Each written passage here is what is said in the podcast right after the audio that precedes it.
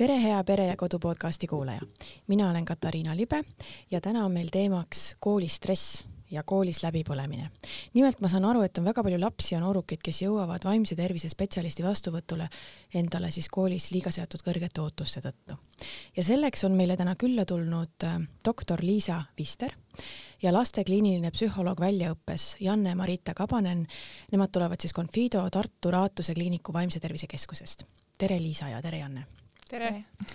nii, ma küsiks siis kõigepealt, et tavaliselt me räägime ju läbipõlemisest seoses täiskasvanutega, et kui palju siis lapsed kogevad läbipõlemist? ikka väga palju, aga võib-olla nad ei oska seda lihtsalt nii hästi väljendada kui täiskasvanud. seda on ikkagi üsna palju, sest mulle tundub, et lastele päris äh, sageli pannakse üsna kõrged ootused Äh, seda nii õpetajate, lapsevanemate poolt kui ka lapsed tegelikult ise, et nad näevad seda, et neil on väga edukad klassikaaslased, nad näevad seda, et tahetakse palju saavutada ja läbi selle nad kujundavad ka endale üsna kõrged ootused. mitte kõik lapsed, aga paljud. mis seisus need lapsed siis on, kes jõuavad teie juurde, millist abi nad vajavad? Need on väga erinevas seisus lapsed ja see sõltub ka sellest põhjusest nii-öelda, miks see läbipõlemine on tekkinud, et äh, nagu Janne mainis, et osade puhul on see selline äh, ütleme, kõrge ootus, mis nad on seadnud, millele nad ei ole suutnud vastata ja teiste puhul on väga palju selliseid nii-öelda lisategureid, tänu millele nad nendele pingetele nii-öelda vastu ei pea. mis need võivad olla? Äh, noh, tegelikult iga laps vajab hästi palju tuge, ta vajab tegelikult sellist, ütleme, piiride seadmist, ta vajab äh, koolipingega toimetulekuks ka tegelikult režiimi, et lihtsalt nii-öelda organism sellega nagu toime tuleks, sest see ütleme, see, mis me organismilt võtame, on, on nagu päris suur osa, et me peame ka asemele andma mm. -hmm. aga millist abi nad vajavad siis, kuidas te saate neid aidata? jällegi sõltub lapsest, et äh, mõne lapse puhul piisab sellest, et ta saaks nii-öelda natukene sellist adekvaatset täiskasvanu tuge äh,, saaks natuke nii-öelda neid ootusi vähendada, saaks natuke realistlikuma ees, noh, ettekujutuse, et kuidas neid ootusi saavutada ja mis pingutust need reaalselt nii-öelda nõuavad sest ütleme, see ka näiteks sotsiaalmeedias, mida me näitame, on see, et me saame kõik hästi kiiresti, hästi kergelt rikkaks ja kuulsaks ja edukaks, aga noh, päriselus see nii ei ole. Äh, mõnede laste puhul on vaja, ütleme ka sellist rohkem teraapiat, ravimit, võib-olla natukene sellist laiapõhjalisemat tuge. aga kas selline võimalus on ka gümnaasiumi tasemel näiteks, et laps saab võtta või noor saab võtta vaba aasta, et ta saab äh, oma vaimse tervise korda saada? Noh, seda on nii-öelda ikka tehtud, selles mõttes, et enamasti see juhtub küll niimoodi, et nii-öelda need lapsed äh, lihtsalt mingi hetk ei tule nii-öelda oma õppimisega toime, nad jäävad koju ja nad jäävad nii-öelda nagu klassikursust kordama. et ma isegi ei tea, kas niimoodi ennetavalt üldse on, on võimalik seda võtta mm. -hmm. ma arvan, et kooliga kokkuleppes ikkagi on võetud seda, on mm -hmm. ka kokku lepitud, et see ongi tervislikel põhjustel, et et mingisugune selline aeg, aga noh, eks seal on ka omad ohukohad, et kui see noor, kellel niigi on raske, jääb näiteks tõesti koju, kui tal ei ole seal mingisugust väljundi, väljundit, siis see seisund võib hoopis äh, raskeneda, kui ta jääbki näiteks voodisse, kui tal on depressioon, kui ta ei saa kuskilt abi aga samas, äh, kuidas ta saab selle nagu noh, mingigi aja maha võtta, et siis ju kool läheb ju kogu aeg edasi, võlad aina, aina kuhjuvad, see teeb ju mingis mõttes olukorra hullemaks, et kuidas nagu balansseerida selle vahel, et ühest küljest võtta väike puhkus, aga teisest küljest mitte teha seda olukorda veel hullemaks? see sõltub nüüd lapsest ja, ja see sõltub nii-öelda tema õppimise võimest et meil on nii-öelda terve hulk lapsi, kes tegelikult äh, koju jäädes tunnetavad, et neil on palju lihtsam, sellepärast et neid, nad ei pea võib-olla nii suures rahvamassis äh, viibima, nende õpitempo võib-olla kiirem, nad on võib-olla ise nagu üpris hea noh, planeerimisoskusega, on ju, nende puhul see on noh, kindlasti nagu hea variant. ja siis on terve hulk lapsi nii-öelda, äh, kes tegelikult ise jäävad hätta, et nii-öelda see kelle puhul see paus ei tohiks olla liiga pikk, sest et nii-öelda mida pikem see paus on, seda raskem on nii-öelda nagu noh, tagasi minna. Et seda nii-öelda peab hästi individuaalselt hindama, et äh, millisel lapsel ja kui kauaks nii-öelda see kojuminek hea on. kuidas koroona ja distantsõpe seda olukorda mõjutas? Äh, ma ütleks, et see tõi need raskused väga palju välja, et äh, et väga paljud vanemad nii-öelda noh, ka siis nägid, kui suur roll tegelikult õpetajatel on, et kodus on väga-väga palju igasuguseid segajaid, ütleme telekad, telefonid paljud vanemad pidid ikkagi edasi tööl käima, lapsed jäid nagu täiesti üksi nii-öelda koju ja kui nad ei ole nagu harjunud näiteks ise oma aega planeerima, siis see on kõige raskem osa, et noh, et kui ma ei pea kuhugi minema, et ma ärkakski mingil kindlal kellaajal üles ja noh, paneks oma telefoni ära. et siis nii-öelda need lüngad noh, läksid suuremaks, kui sul on suuremad lüngad, siis sul on raskem õppida, tekib ärevus, noh, teiste, hakkad rohkem end teistega võrdlema. et see tõi väga palju neid raskusi esile. Ja langes ära ka kool kui sotsiaalne keskkond, et inimesed, kellele tõesti meeldiski äh, koolis oma klassikaaslastega suhelda, neile pakkusid rõõmu mingisugused tegevused, huvitegevused, tegelikult see kõik ju langes kõrvalt ära. kas neid äh, nii-öelda vilju me maitseme siiani? et kas siiani see mõjutab laste ja noorte vaimset tervist? kindlasti. kindlasti jah. kui teie juurde jõuab siis noor selliste muredega, et äh, kas te soovitate tal siis teha ka mingeid muutusi oma elus ja millised need muutused on või millised on need soovitused talle? Mm? -hmm kindlasti see hästi palju oleneb sellest äh, konkreetsetest muredest ja probleemidest, et äh,, et üldiselt alustame sellest, mis on kõige raskem ja, ja olulisem probleem selle lapse või noore jaoks ja, ja täpselt see, et mi, mida me siis seal hakkame muutma, sõltub iga, igal juhul eraldi sellest, et mis selle inimese ootused ja vajadused on ma ütleks veel lisaks, et mis kõigi laste puhul tegelikult tuleb äh, tänapäeval läbi käia, on režiim. et kui vaadata nii-öelda nagu uuringuid, siis tänapäeval lapsed magavad ikkagi oluliselt vähem kui varem äh, ja tegelikult ka oluliselt vähem kui füsioloogiliselt üldsegi on vajalik, et aju töötaks normaalseks, normaalselt. ja hästi suur põhjus tegelikult, miks see nii on, on tegelikult ka näiteks see nutiseadme kasutamine et kui ikkagi näiteks päevas laps kasutab seda seadet, ma ei tea, seitse-kaheksa tundi ja rohkem, siis ööpäevas ei ole lihtsalt nii palju tunde, et ta saaks normaalselt välja magada, õppida, noh, huvialadega tegeleda, oma asjad ära tehtud. et mina näiteks alati alustan ka sellest, et ma vähemalt küsin, et kuidas see režiim neil on. mis on see normaalne tundide arv, kui palju peaks üks laps või noor magama siis? see sõltub nüüd vanusest, et kui me võtame nagu sellise kooliealise lapse, et kui seal ütleme vanuses äh, seitse kuni kümme aastat umbes, noh siis see võiks olla selline kaheksa kuni kümme tundi. Äh, kuskil seal puberteedieas on elus nii-öelda kõige suurem unevajadus. et see unevajadus tegelikult on isegi üle seal kümne tunni, kümme-üksteist tundi. Äh, ja noh, täiskasvanuna on siis see kaheksa-üheksa, noh seitse-kaheksa tundi, millest me oleme rääkinud alati. et kui me nüüd mõtleme ühe nooruki peale, et tal on tegelikult kõige-kõige suurem unevajadus üldse, äh, et isegi sellise noh, ütleme adekvaatse režiimiga, kui ta peab kell seitse ärkama, noh, niikuinii tal on väga raske õigel ajal magama minna ja kui ta nüüd läheb veel noh, ütleme peale keskööd magama, siis ta tegelikult noh, natuke nii-öelda kahjustab oma aju sellega.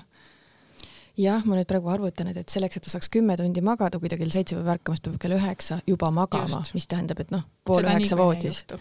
jah, see, seda ei saa ka juhtuda siis, kui ta lihtsalt käib koolis, teeb oma koolitööd ja võib-olla tal on mõni trenn või huviring ka, siis see lihtsalt ei ole võimalik kuidagi et seda enam on see, et kuna nii-öelda meie graafik, et kool hakkab kell kaheksa pihta enamasti, on ju, meie graafik juba leab, seab sellised piirangud, et lapsed niikuinii magavad vähem.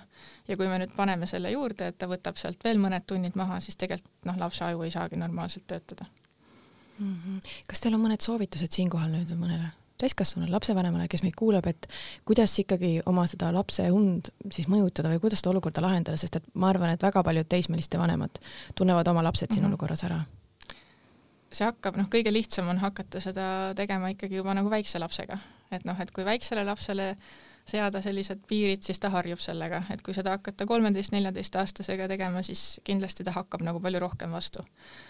Äh, mis kõige paremini aitab, kui meil on selline, ütleme, väikeste lastega lapsevanem, et ikkagi kohe, kui talle näiteks äh, noh, kas või telefon osta, kohe ikkagi seada piirangud, kokkulepped ja seada kodus selline kindel rutiin, kindlad kellaajad. kui laps on sellega väiksest peale harjunud, noh siis, siis ta on sellega harjunud ja siis tal tekib ka selline noh, ütleme normaalne arusaam sellest ja ta ise juba vajab, et, et ta peab nii-öelda varem magama minema. noorukiga on raskem, et äh, nooruk hakkab kindlasti vastu. Äh, ühelt poolt aitab kindlasti selgitamine et, et kuidas see nii-öelda nagu mõjub, mida see sinu ajuga teeb, sa keskendudki kehvemini, ei suuda õppida, mõne puhul aitab juba see ja mõne puhul tegelikult ei olegi muud varianti, et kui lihtsalt tuleb seada piire. kui palju võib aidata lõunaune tegemine või ütleme, et kui paljud, mina mäletan oma gümnaasiumi ajast, et sai koolist tuldud, siis sai väike uinak tehtud ja siis sai nagu järg, mm -hmm. päevaga edasi mindud äh, pigem noorukite puhul see ei aita, see pigem tekitab unehäiret juurde mm, sellepärast et äh, ärkvel olles tekib kehas nagu põhimõtteliselt selline unesurve nii-öelda ja kui me päeval magame, siis nii-öelda see unesurve nagu väheneb, see tuleneb siis nii-öelda erinevate ainete kuhjumisest kehas, neid üks on näiteks adenosiin, teine oluline on melatoniin. kui me päeval magame, siis nad tulevad kolinaga alla ja õhtul selleks ajaks, kui on vaja magama minna, nad on liiga madalal tasemel ja seda und lihtsalt ei tule. et kui, siis sellised ütleme kümne-viieteistminutilised uinakud äratuskellaga, et noh, see aitab seda väga suurt väsimust nii-öelda nagu maha võtta, aga rohkem ei ole väga hea. nii et ei tohi lubada oma noortel kodus magada päeval aga kui palju mõjutab nende und ka võib-olla kofeiin, energiajoogid või kohvi, mida noored tarbivad? Äh, kindlasti mõjutab samamoodi nagu täiskasvanul, et äh, kofeiin nii-öelda täpselt samamoodi vähendab seda unesurvet, on ju, äh, kui noh, ütleme, lapsed ei peaks seda nagu üldse jooma, kui nooruk seda ikkagi nii-öelda natukene mõistlikus koguses tahab proovida, siis peaks kindlasti nii-öelda jälgima seda, et neid kellaaegu, et ta ei jooks seda nii-öelda nagu väga õhtul ja võib-olla see jääkski sinna nii-öelda nagu noh, ütleme ühe, ühe tassi juurde siis. noh, energiajoogid nii-öelda kindlasti ei ole hea valik. et äh, kuna seal ei ole nii-öelda ainult kofeiin, mis nii-öelda siis seda noorukit mõjutab mm. -hmm tahaks veel küsida selle kohta, et äh, kas koolistress võib põhjustada või vallandada ka psüühikahäireid? Äh, ikka, sellepärast et äh, kõik psüühikahäired põhimõtteliselt või noh, enamus tekivad nii, et meil on geneetiline eelsoodumus ja siis keskkonnamõjurite puhul nii-öelda need vallanduvad. nüüd ajus selles mõttes ei ole vahet, et kas see on koolistress või nii-öelda nagu see on noh, mingisugune muu elustress, stress on stress ja ta ikkagi võib nagu lõppkokkuvõttes selle depressiooni või ärevushäire vallandada millised on need ohumärgid siis selle koolistressi või, või läbipõlemise puhul, et mis on see, mida lapsevanem võiks oma lapse puhul tähele panna? no võib-olla üks asi see, kui laps hakkab kuidagi rohkem endasse tõmbuma, et kui ta on varasemalt olnud sotsiaalsem, seltsivam ja ühel hetkel on märgata, et ta on kogu aeg kurnatud, väsinud, hoiab oma ette, ei tunne ennast millestki rõõmu, võib-olla selline tõesti uinumisega raskusi, ärkamisega raskusi, ütleme, et kõik sellised muutused käitumises, mis äh, kuidagi silma jäävad, võivad viidata sellele, et midagi on lahti. no näiteks, kui, äh, kui lapsevanem näeb, et äh, mingid asjad, mida laps nii-öelda tavapäraselt tegi, silmad ära, särasid, aga nüüd ta näiteks väldib neid või, või teeb neid justkui nagu mingisuguse äh, moe pärast äh,. hästi paljud lapsed nii-öelda, kellel on varem lapsevanemaga olnud nagu väga hea suhe näiteks äh,, ei räägi enam oma vanemaga, sellepärast et nad ei taha talle muret võib-olla tekitada et neid märke tegelikult on palju, aga see võti ongi see, et kui toimub mingi nagu muutus lapse käitumises. Mm, aga samas jälle teismelised ütleme, et käivadki läbi palju muutusi ju, et nad ja. ju, nad ju arenevad väga kiiresti. et mhm. kuidas mm -hmm. siis eristada seda nagu nii-öelda normaalset muutust sellisest nagu patoloogilisest muutusest? Äh, seal tulebki erinevad asjad kokku panna, et noh, täpselt see, mida nii-öelda nagu Janne ka nimetas, et nii-öelda see, et ta ei jaksa või ta ei taha enam nii-öelda nagu midagi teha, et see, et võib-olla noh, ütleme lapsevanemaga suhe läheb natuke kaugemaks, on ju, see on teismeeas ka nagu tegelikult täiesti normaalne ja noh, kohati noh, see on see vanus, kus nad tegelikult peavadki nii-öelda suhtlema eakaaslastega, vanemast jääma natuke kaugemaks. aga kõik sellised äh, asjad, mis viitavad, et tal ei ole enam energiat või jõudu asjadega tegeleda. ja väiksemate laste puhul võib see tegelikult väljendada üldsegi käitumishäirena et kui ähm, üks depressioon või on selline, et kus laps on jõuetu, ta on kurvameelne äh, ja teine vorm, mida me näeme siis just selliste, ütleme, väiksemate laste puhul on see, et ta ei olegi niivõrd nagu jõuetu ja kurvameelne, vaid ta käitub halvasti. aga see on sellepärast, et äh, et ta näitab nii-öelda oma käitumisega oma rahulolematust, sest ta ei oska veel seda sõnadesse panna. kas koolistressi või sellist läbipõlemist võib olla ka siis täiesti algkoolilastel? Äh, ikka võib, selles mõttes, et kui me mõtleme, et mis seda koolistressi tekitab, on ju, seda võib kõik tekitada, ühelt poolt on see pinge, on ju, äh, suhted õpetajatega, suhted eakaaslastega, koolikiusamine, et noh, need asjad võivad tegelikult igas vanuses elada, nagu esineda. kui vanem nüüd siis tõesti näeb, et tema laps on tõesti muutunud, on selline tujutu ja ei tunne nagu millestki rõõmu, et mi-, kuidas ta siis teda aidata saab, ma saan aru, et üks variant on minna vaimse tervise spetsialisti juurde, aga kas ta saab ise kuidagi nõu anda või suunata, juhendada? Esimene asi on äh, tegelikult küsida või nii-öelda nagu julgustada last rääkima, et et andagi märku, et äh, ma märkan, et sinu juures on midagi teistmoodi, ma muretsen sinu pärast, ma tahan sind aidata. ja alati anda see valik, et noh, et äh, sa võid alati minuga rääkida lapsevanemana, on ju, aga kui minuga näiteks on raske, et siis me võime kuhugi pöörduda. ja, ja kindlasti ka laps peab, noh, nagu ma enne ütlesin, et paljud lapsed ei ei taha rääkida vanematele, sest et vanem hakkab muretsema et siis lapsevanem peab ise nii-öelda välja näitama, et ma olen piisavalt tugev, et sinu murega nii-öelda toime tulla, et ma ei lähe ise katki selle peale. et see on ka tegelikult oluline. kas te soovitate lapsevanemale seda, et ta võib lapsele öelda, et, et ole nüüd paar päeva kodus, teeme niisugused popipäevad või, või see ei ole hea mõte? ikka võib, et selles mõttes, et äh, muidugi sõltub jälle lapsest ja sõltub sellest, et missugune äh,, missugune suhe lapsevanem nii-öelda nagu, missugune suhe vanemal ja lapsel on, et kui see on usalduslik suhe, on ju, kui äh, kui lapsel on kõik nii-öelda nagu noh, kooliasjad tehtud, äh, ta ütleb ausalt, et tead, et ma olengi väsinud, et ma olen halvasti maganud, ma ei jaksa, äh, see, kui ta on ühe päeva kodus, äh, järgmine päev läheb kenasti kooli, teeb kodus kõik asjad ära, kokkulepped peavad, et siis miks mitte tegelikult. sellega me ennetame mingit suuremat krahhi, et et kui see laps on näiteks öösel magamata, mis iganes ärevuse või noh, halva enesetunde tõttu ja ta lihtsalt koolis istub päev otsa, ta ei kuula midagi, ta on veel väsinud, et ega tegelikult see noh, ei aita ju.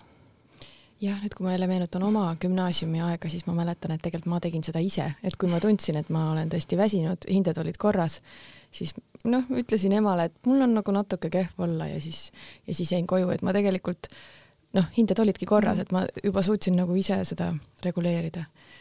jah, et me enne just siia tulles ka rääkisime, et mina tegin seda nagu täitsa ausalt, et ma ütlesingi vanematele, et noh, et ma, ma täna tõesti ei jaksa äh, noh, kuna järgmine päev ma alati kooli läksin, siis see ei olnud nagu kunagi probleem, kõik asjad olid alati tehtud, mul lubati koju jääda, kui ma tundsin, et noh, et ma olen väsinud mm. -hmm. et soovitus on ikkagi vanematele seda lubada? Mhm. aga tuleb kindlasti olla ettevaatlik, sest Just. Äh, on, on ka neid juhtumeid, kus tõesti lapsevanem äh, annabki neid puhkepäevi, aga need hakkavad minema järjest tihedamaks mis tähendab seda, et see laps võib jääda koolis õppetööst maha, mis tekitab mhm. tal seda ärevust juurde. kui ta on kodus, siis sellega juba see koolimineku ees ärevus tõuseb ja see võibki minna lapse jaoks siis keerukaks, et kui ta on tõesti palju juba puudunud, siis on raskem sinna kooli tagasi minna, on raskem nende kõikide töödega järele jõuda, aga niimoodi mõned päevad, kui tõesti tundub, et see võib lapsele head teha, et siis selles ei näe ma midagi halba et see eeldus nagu olekski see, et nii-öelda seal on äh, kokkulepped, mis peavad, et kui see laps on kodus, need asjad ikkagi noh, kui ta näiteks on ikkagi päev otsa kodus, et ta leiab sealt päevast ka paar tundi, kus ta reaalselt õpib, kui ta näiteks hommikul on äh, puhanud ja näiteks ikkagi, et lepitaksegi kokku see aeg, et nüüd, kui me selle ühe päeva võid kodus olla, siis homme sa igal juhul lähed kooli. et seal peavad olema kindlad piirid ja kokkulepped ja täpselt, et kui on näha, et näiteks äh, noh, see ei tööta, et laps ei tahagi kooli tagasi minna, noh siis, siis ei tohi neid nii-öelda nagu lubada. aga kui ikkagi see põhjus, miks laps ei taha kooli minna, on sotsiaalsetes suhetes, on näiteks koolikius, kuidas siis võiks toimida? kiusamist äh, põhimõtteliselt ei tohi lubada, et äh, kui nüüd äh, alati, kui nii-öelda nagu lapsevanemad tulevad selle jutuga, et last koolis kiusatakse ja laps on liiga ärev, siis mitte kunagi nii-öelda me ei me ei saa hakata nii-öelda seda last siis ravima kohe, et issand, miks sa nii ärev oled, et kui sind nagu kiusatakse koolis, sest koolikius ei ole normaalne olukord. et alati peab nii-öelda lapsevanem end panema sinna noh, olukorda, et kui mina läheksin hommikul tööle, keegi lööks mulle rusikaga näkku, paneks prügikasti pähe, et kas ma tunneksin ennast hästi. ehk siis koolikiusamine tuleb igal juhul lõpetada või sellesse tuleb sekkuda. mis on nüüd kohati vahepeal natukene kurb on see, et võib-olla kõik täiskasvanud ei oska või ei julge nagu sellesse sekkuda, et vahepeal tuleb lastelt ka tagasisidet, et ma ju ütlesin, aga mitte midagi ei juhtunud. et siin on vaja nüüd nii-öelda siis täiskasvanutel, ütleme lapsevanematel, õpetajatel vaadata peeglisse, et kui ma saan teada ikkagi, et last kiusatakse, siis tuleb nii-öelda reageerida. Mhm, ja see laps peab saama selle kindla ja konkreetse sõnumi, et see ei ole okei okay,, et teda kiusatakse, et seda, et tal ei tohi jääda see mulje, et, et see on kuidagi lubatud, mis temaga juhtub. et mingitel juhtudel tõesti on raske sellele kiusamisele panna piiri, aga see absoluutne miinimum on see, et laps teaks, et see ei ole okei okay. mm. -hmm et ei ole seda, et, et sa pead kuidagi, sa pead hakkama saama ja nüüd kuidagi tule sellest depressioonist või ärevusest välja. Või et, või et sa oledki selline, et sind kiusatakse või et sind võibki kiusata, sest sa oled vähem väärtuslik, et lapsed, nad väga kergesti võivad igasugust sellist negatiivset tagasisidet nii otsest kui ka kaudseks, kaudsest omaks võtta. et näiteks alati noh, mida mina ka kiusatavatele ütlen, et alati, kui nii-öelda sind kiusatakse, siis proovi aru saada, et tegelikult eh, see viga ei ole sinus. et kui sa mõtled, et kui minul on kõik hästi, ma olen oma eluga rahul, et miks ma peaks lihtsalt niimoodi suvaliselt minema kedagi teist eh, kiusama. et tavaliselt ikkagi see põhjus, miks kiusaja üldse hakkab kiusama, on see, et ta on ise millegagi nii-öelda nagu rahulolematu. ehk siis nii-öelda laps peab aru saama, et eh, minuga ei ole midagi valesti. ja nüüd sõltub jällegi kiusamisest, et kui tegemist on sellise noh, ütleme füüsilise või väga jõhkra kiusamisega, siis kohati jäävad lapsed nii abitusse olukorda, et ega nad sel hetkel midagi teha ei saa. Äh, kui tegemist on verbaalse kiusamisega, siis nii-öelda annab ka ise natuke oma käitumisega nii-öelda noh, midagi teha, et, et seda oleks vähem. aga kiusamine ei ole kunagi nagu õige. kui palju jõuavad kiusajad teie juurde ja mis seal taga siis võib olla või kuidas siis seda last aidata? Ähm, ma julgeks öelda, et ma tegelikult ei tea seda, sellepärast et äh, et kui lapselt äh, küsida, siis väga vähesed ütlevad ausalt, et kuule, et mina esimesena kiusasin, äh, võib-olla kuskilt koolist tagantjärgi kuuled, et tegelikult ta on ka ise seda nagu alustanud. jõuab väga palju lapsi, kellel on igasuguseid konflikte ja käitumisprobleeme, aga noh, ma lõpuni ei tea nii-öelda, et kas ta on ise seda kiusamist alustanud või kust see on noh, alanud, sest kiusaja enamasti nagu ei ütle seda et seda noh, numbrit on väga keeruline öelda või. Ja võib-olla paljud, ütleme, et ka nooremate laste puhul nad võib-olla ei saagi väga hästi aru, et kuidas see nende käitumine teisi mõjutab. Nad võivad seda, nad küll saavad aru, et see ei ole võib-olla päris õige, aga nad võtavad seda ise kuidagi ikkagi naljana või, või kuidagi niimoodi ja, ja nad ei saa tegelikult aru, et mis mõju sellel on teisele inimesele koolikius kindlasti ohvrit mõjutab ilmselt terveks eluks, aga kui me räägime näiteks sellest samast natuke leebemast teemast nagu koolistress ja läbipõlemine, et kui see jäetakse tähelepanuta, kas see võib äh, inimese vaimset tervi-, tervist mõjutada siis terveks eluks kui täiskasvanu eas äh,? ikka, et äh, kui nüüd ütleme, selle stressi foonil näiteks tekib äh, mingi psüühikahäire, tekibki meeleoluhäire, ärevushäire äh,, siis sõltub nüüd sellest, kui kiiresti nii-öelda nagu see laps abi saab, et kui ta saab kiiresti, noh, iga häirega nii-öelda, iga häire aluseks on ajus sellised äh, noh, biokeemilised muutused. mida kauem need on kestnud, seda raskem on seda ravida. kui laps saab kiiresti abi, noh, siis on lootust, et ta saab kiiremini terveks. kui see abi nüüd äh, on, ootab seal paar aastat, siis võib olla nii, et need muutused on nii suured, et see ravi kestab kaua nii-öelda ja need äh, noh, ka häired hakkavad korduma. et, et see oht on selles mõttes alati olemas kas teile tundub, et Eesti koolisüsteem on liiga karm või nõudlik? koolid on väga erinevad, aga, aga ma olen ise kuulnud lugusid tõesti sellistest nii-öelda eliitkoolidest, kus pannakse õpilastele väga kõrged ootused ja õpilased ei tule sellega toime. et see oleneb muidugi individuaalsetest inimestest, aga, aga on paljud, kes tahavad väga palju saavutada, aga lihtsalt see on võib-olla natukene liig nende jaoks ma ajaks veel pildi nagu veel rohkem segamini, et et ühelt poolt koolid on erinevad ja lapsed on ka hästi erinevad, et tegelikult äh, mõni laps ütleb, et see, kui mul on noh, on ju karmid nõudmised ja keegi mind kontrollib, siis see motiveerib mind. Äh, teine laps ütleb, et see tekitab mulle nii kohutavalt stressi, et mul kaob igasugune soov õppida ära. Äh, et noh, selles mõttes see koolivalik on ka, peaks olema selles mõttes hästi individuaalne ja, ja ikkagi lapsevanem peaks arvestama, missugune nagu tema laps on ja kindlasti on ka lapsi, kes ütlevad, et kes suudavad oma vanemale seda öelda, et minu jaoks see kool on liiga karm, kas me võiksime vahetada kooli. ja on neid lapsi, kes, kes seda ei ütle, vaid kes peavad seda nagu enda süüks, et nad ei jõua kuidagi sammu pidada teistega. kindlasti on ja need, kes peavad seda enda süüks, need ei julge seda ju sellepärast ka välja öelda, et issand, et ma olen rumal või või noh, mida iganes, aga see näiteks, et äh, et laps peab võib-olla asju tegema natuke teises tempos või, või tal on vaja rohkem puhkust vahepeal või mingit, ma ei tea, füüsilist tegevust ei tähenda, et ta on rumal. et lapsed ongi hästi erinevad. nii et siin on siis nagu märksõnaks kontakt õpetajaga või, sest et lapsevanem ju ise ei näe seda, kuidas laps koolipäeva nagu tajub või milline ta koolipäeva jooksul on?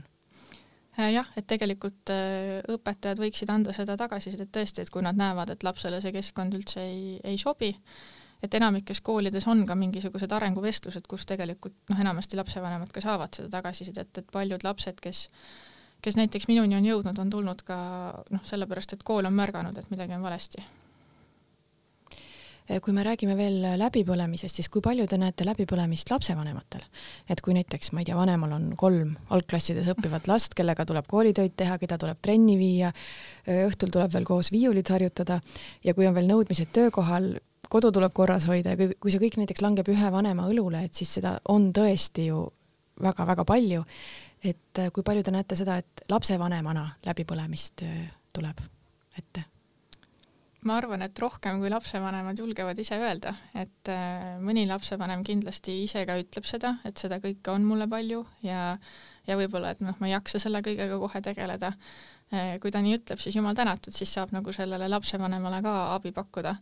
Aga paljude lapsevanemate puhul on nii, et nad ei ütle seda, aga noh, ütleme oma soovitusi andes, noh, sa sellest reaktsioonist näed, et tegelikult seda kõike on talle hetkel natukene liiga palju. Äh, ja sellisel juhul mõnikord nii-öelda noh, mina näiteks olen ka ise nagu pakkunud seda abi lapsevanemale või küsinud, et, et kuidas ta nagu hakkama saab, aga aga noh, väga paljud võib-olla ei tahagi seda tunnistada, kuigi see tegelikult on normaalne, et kui, kui on palju lapsi, on palju probleeme, et siis noh, seda ikka tuleb ette, see on inimlik millised on teie soovitused lapsevanematele, et, et mitte läbi põleda, kuidas siis hoida seda tasakaalu?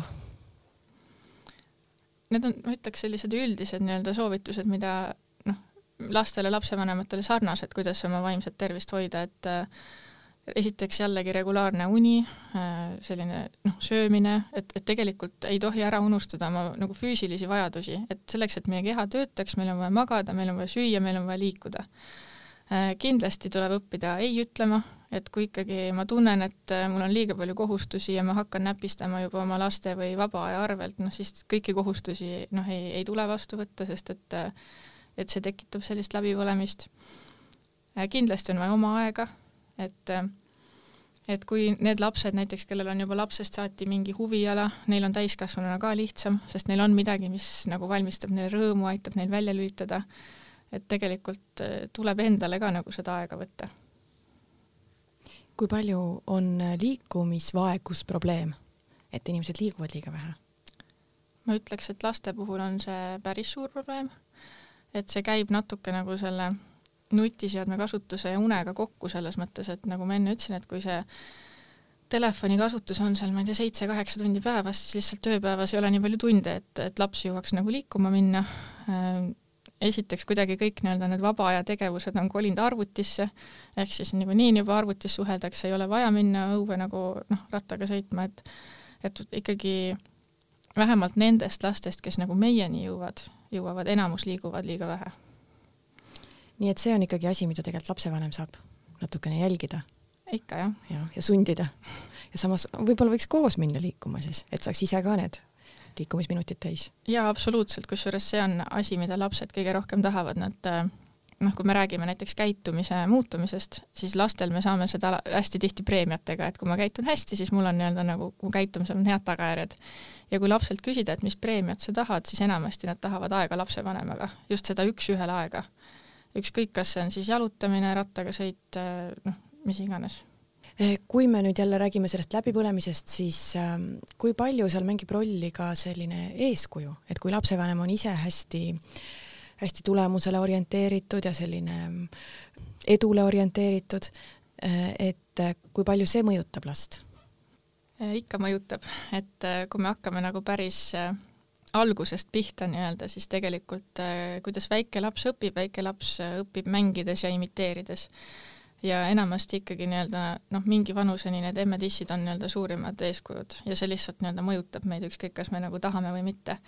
et näiteks kui ongi selline pere, kus äh, ütleme, vanemad on hästi edukad, kus võib-olla õed-vennad on edukad ja siis seal noh, on siis see üks laps, kes võib-olla ei ole nii edukas või peab nii-öelda nagu rohkem vaeva nägema, siis hästi tihti võib olla seda tunnet, et noh, et ma ei ole nagu vääriline või mult oodatakse rohkem. ja vahepeal nii-öelda vanemad ka täitsa kogemata jätavad võib-olla nagu sellise, ise nagu mõtlemata jätavad sellise mulje, et neil on nagu see noh, tulemus on hästi oluline, et näiteks ma ei tea, kui laps saabki nelja, et noh, et siis lapsevanem küsib, et aga miks see viis ei ole, et sul tavaliselt oli viis, tegelikult see ei ole nagu paha pärast, aga ka sellised väiksed asjad või kommentaarid võivad tegelikult noh, last mõjutada. kuigi tegelikult ju neli on väga hea hinne, et oleks võinud õlale patsutada, et tubli olid kui palju vastab see tõele, et tuleks ähm, lapse puhul siis esile tuua seda, milles ta hea on, mitte keskenduda sellele, milles ta kehv on?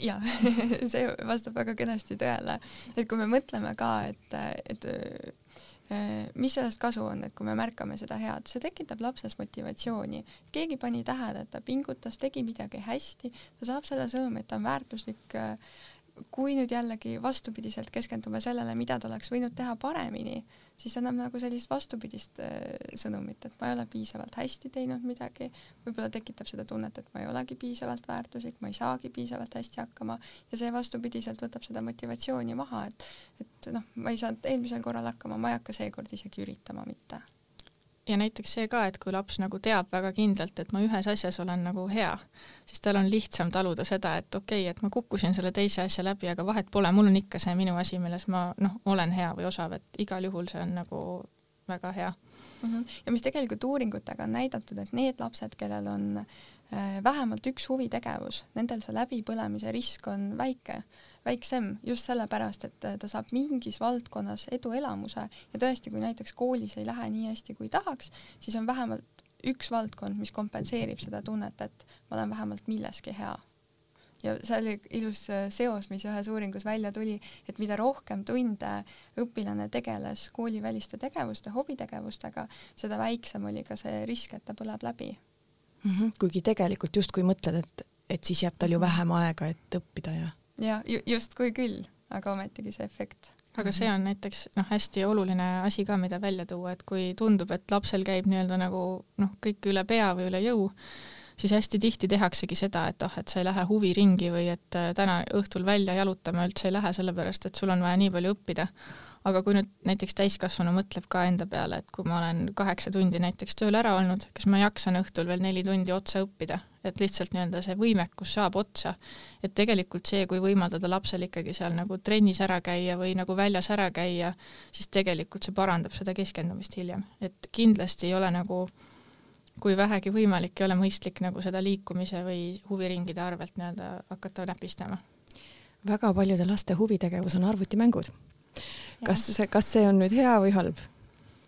Äh, mina ütleks, et see pigem on äh, halb, äh, kui nüüd meil on tulemas selline uus haiguste klassifikatsioon, et praegu on meil RHK kümme, varsti tuleb RHK üksteist ja tegelikult seal on selline nagu arvutimängusõltuvus on isegi nii-öelda nagu juba diagnoosina sees. ehk siis tegelikult me võime öelda, et see tekitab sisuliselt samasugust nii-öelda siis sõltuvuse mehhanismi nagu nii-öelda nagu ainete tarvitamine. ehk siis, kui me tahame, et noh, oleneb nüüd, missugust maailma me tahame, kas me tahamegi nii, et kõik oleks ainult arvutis ja me suhtlemegi ainult arvutis, teeme tööd ainult arvutis ja noh, kogu maailm lähebki selle peale üle, onju. aga kui me tahame, et laps suudaks äh, keskenduda, õppida, äh, ka kuidagi teistmoodi midagi saavutada, siis see ei ole nüüd kõige parem huvi, see võib olla, aga seal peaks midagi nagu lisaks olema. kas arvutimängudel on ka mingeid positiivseid külgi, et, äh, et noh, äkki ta ikkagi lõõgastab ja, ja lapsed, kellel võib-olla oma koolis ei ole nii suurt suhtlusringkonda, et nad ikkagi on nagu sotsi-, sotsiaalselt mingil määral aktiivsed läbi arvutimängu? jaa, ei kindlasti on, et see ongi seesama noh, ütleme sotsiaalne pool, et võib-olla on lihtsam selle inimesega pärast suhelda, kui ma olen temaga arvutimängus tutvunud. Äh, kindlasti on arvutimänge, mis nagu arendavad, et igasugused need loogika, taktikamängud on ju, et, et see ei ole kõik nagu sada protsenti halb. Äh, aga see on see mõõdukus, et äh, võib-olla kaks tundi päevas on normaalne, aga kaheksa enam ei ole. et täpselt nii-öelda see piiri, piiri panemine. nii et äh, lapsevanemale siis märksõnadeks, mina panin nüüd kõrva taha, et mida võiks oma lapsele või lapse puhul jälgida, et ta magaks piisavalt, äh, et ta liiguks piisavalt äh, ja et tal oleks huvitegevus. -hmm. ja võib-olla veel lisaks selle ka, et, äh, et on ju hästi palju selliseid väga tublisi õpilasi ja nende puhul võib-olla tasuks jälgida seda, et nad just teeksid endale pause ka sellest õppimisest. et äh, kui tõesti pärast koolipäeva veel neli tundi õppida, see on täiesti loomulik, et see keskendumisvõime, tähelepanuvõime, need langevad ja see võib ka tekitada õpilases selle tunde, et, ta ei saa hakkama sellega, mis talt oodatakse, ta ei ole piisavalt produktiivne ja, ja see on täiesti loomulik, et kui päev otsa on äh, selline pingeline õppetegevus, et sellepärast on need õppimise pausid ja ka nädalavahetused, et ei pea nädalavahetusel õppima, et see on väga oluline mm. -hmm. et ma ütleks ka veel seda lisaks, et äh, noh, mis puudutab koolistressi või üldse nagu psühhiaatrit, me peame võtma seda hästi-hästi individuaalselt, et näiteks kui me kui me mõtlemegi ühe gümnasisti peale, äh, kes käib näiteks kuskil eliitkoolis, kus nõudmised on väga suured ja, ja ta tegelikult teab, mida ta tahab õppima minna. ja ta teab, mis aineid tal selleks vaja on, ta teab nagu, mis, mida ta peab oskama, mida ta ei, ei pea oskama ja ta tunneb, et kõike näiteks viie peale õppida käib talle üle jõu ja see tulebki näiteks ütleme huviringide arvelt siis tegelikult sellise nooru, noh, noore inimese puhul on okei okay,, et, et ta näiteks keskendubki siis nendele ainetele, mida tal vaja on ja nendes teistes võib-olla noh, saabki siis ma ei tea, nelja või kolme ja lihtsalt teeb oma asjad ära, et ta end nii-öelda nagu noh, läbi ei põletaks. samas see on jällegi selline soovitus, et kui me anname selle noh, mõnele lapsele, kellel on üldse noh, õppimisega väga palju raskusi, siis üldse ei tööta. Et kõikide nende soovituste puhul peab arvestama ikkagi nagu lapse eripäradega hästi, ma tahaks nüüd tõesti lõpetuseks peatuda ka ühel veidi päevakajalisemal teemal. nimelt äh, selle nädala alguses läks internetis ringlema üks video, kus siis mitu teismelist tüdrukut äh, ründavad väga jõhkralt vägivaldselt ühte endast nooremat tüdrukut ja see video on tekitanud väga palju pahameelt ja diskussiooni. aga ma tahaksingi küsida, et kui mõni lapsevanem siis tunneb oma lapse seal siis ära selles loos, et tema laps on siis kiusatav, kes siis kogeb sellist jõhkrat koolikiusu, et siis millist abi vajab äh, selline laps?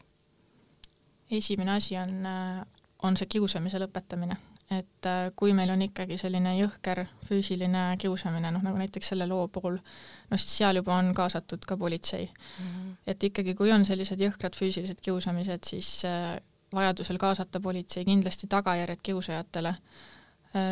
Noh, see laps, keda kiusatakse, selles noh, selle video põhjal ta oli nagu väga abitus olukorras, et ega sel hetkel tal ei olnud nii-öelda nagu noh, väga, midagi teha. et tema vajabki pärast nii-öelda sellist turvalist keskkonda ja toetust, et see jätkuks. mida lapsed nii-öelda võib-olla noh, ise saavad teha, on alati see, et kui kiusatakse, tuleb nii-öelda sellest kellelegi täiskasvanutest teada anda nüüd on seesama, mis ma enne rääkisin, et äh, kõige halvem asi on see, kui meil tekib olukord, kus täiskasvanu teab, aga ei tee midagi või ta näeb, aga ei tee midagi, ehk siis täiskasvanu peab alati reageerima. mida laps ise nii-öelda veel teha saab, on see, et äh, vältida selliseid olukordi, kus, kui vähegi võimalik, et ta ei jääks selle kiusajaga kuhugi nii-öelda nagu abitult üksinda, et ta ei läheks temaga kaasa, kui noh, kui teda varasemalt näiteks on kiusatud, et ikkagi keegi oleks kaasas või nad oleksid nii-öelda kuskil noh, vähemalt nähtavas, et keegi saaks siis sekkuda aga millist psühholoogilist abi ta vajab? Äh, noh, ma arvan, et see laps äh, vajab tõenäoliselt sellist äh, noh, kõigepealt peaks nii-öelda ära hindama, et kas kas tal on ka mingit nagu noh, häiret nii-öelda tekkinud selle kiusamise foonil või see on lihtsalt nii-öelda reaktsioon sellele ja vastavalt sellele, et kas ta vajab siis lihtsalt nõustamist või mingit nii-öelda noh, teraapiat või et selleks noh, mis, mida konkreetselt ta vajab, selleks peaks ikkagi nagu selle lapsega rääkima, aga kindlasti peale kiusamist äh, vajab laps sellist normaalset täiskasvanut, kellega rääkida oma tunnetest nii-öelda ja noh, natukene ventileerida.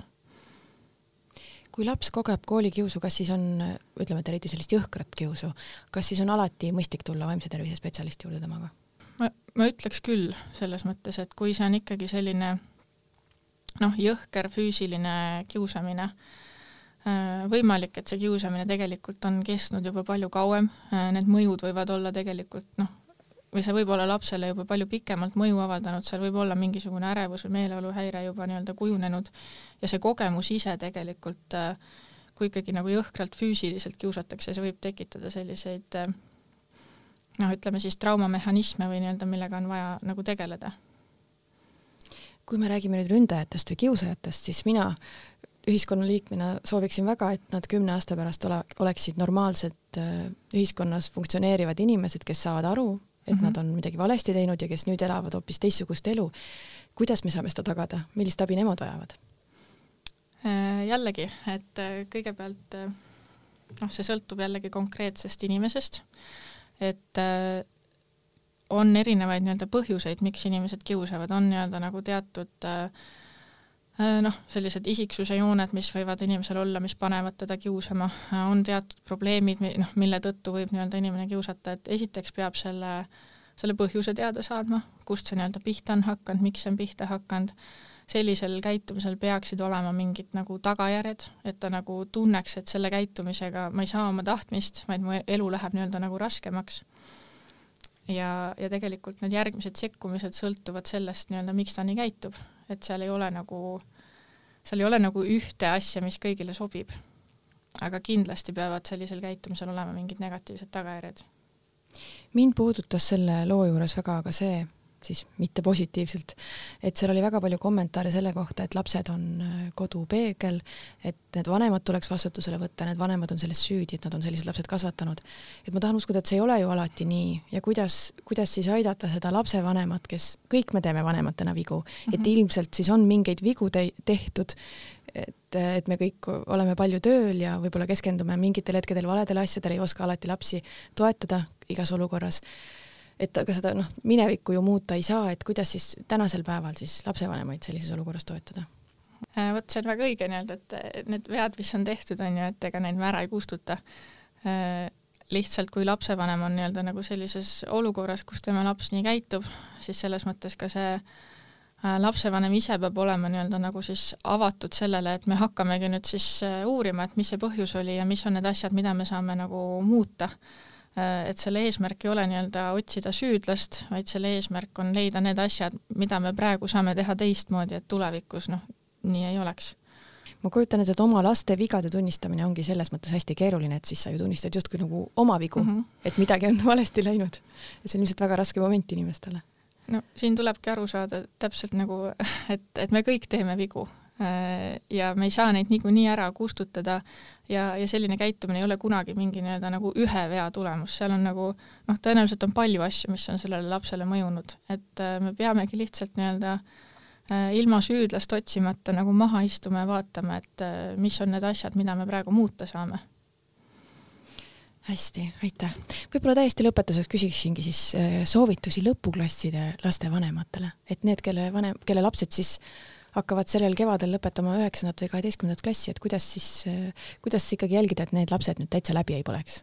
me võib-olla peame nüüd kordama siis ennast natukene, et, et täpselt seesama, et nad magaksid piisavalt, et nad sööksid normaalselt, et nad ei unustaks ära puhata, et kui õppimist on palju, siis võib juhtuda see, et õpingi kogu öö ja õpin nädalavahetused, aga Äh, aitab näiteks see, kui planeeridagi ära, et ikkagi õhtul peale seda kellaaega ma enam ei õpi ja ma puhkan ja ma teen midagi toredat, siis läheb järgmine päev see õppimine palju kiiremini. Need võiks olla niisugused põhilised asjad, ma arvan mm. -hmm. ja et laps ära ei unustaks ka enda jaoks rõõmu pakkuvaid tegevusi, et ka kohustuste kõrval ikkagi oleks midagi, mida ta saaks nautida ja mis pakuks talle positiivseid emotsioone. et see ka mhm. kindlasti aitab ennetada läbipõlemist kas on mõistlik äh, gümnaasiumi lõpetajale ka meelde tuletada, et et tegelikult midagi ei juhtu, kui sa see aasta sisse ei saa, et et võime, võime ka järgmisel aastal uuesti proovida. ja tegelikult midagi ei juhtugi et aga olles ise selle koolilõpetaja rollis kuidagi väga lihtne on seda ära unustada, see võibki tunduda katastroofina ja vahepeal ongi vaja kellegi kõrvalise pilku, et natukene uurida seda teema, uurida neid hirme, et mida ta siis kardab, miks ta selle pärast nii väga muretseb ja võib-olla juba see aitab natuke seda ärevust leevendada mm. -hmm. aitäh, Liisa ja aitäh, Janne! aitäh! aitäh! Aitäh, armas kuulaja, et meid ära kuulasid. loodan, et said midagi kasulikku kõrva taha panna. järgmine saade on meil ikka üleval nädala pärast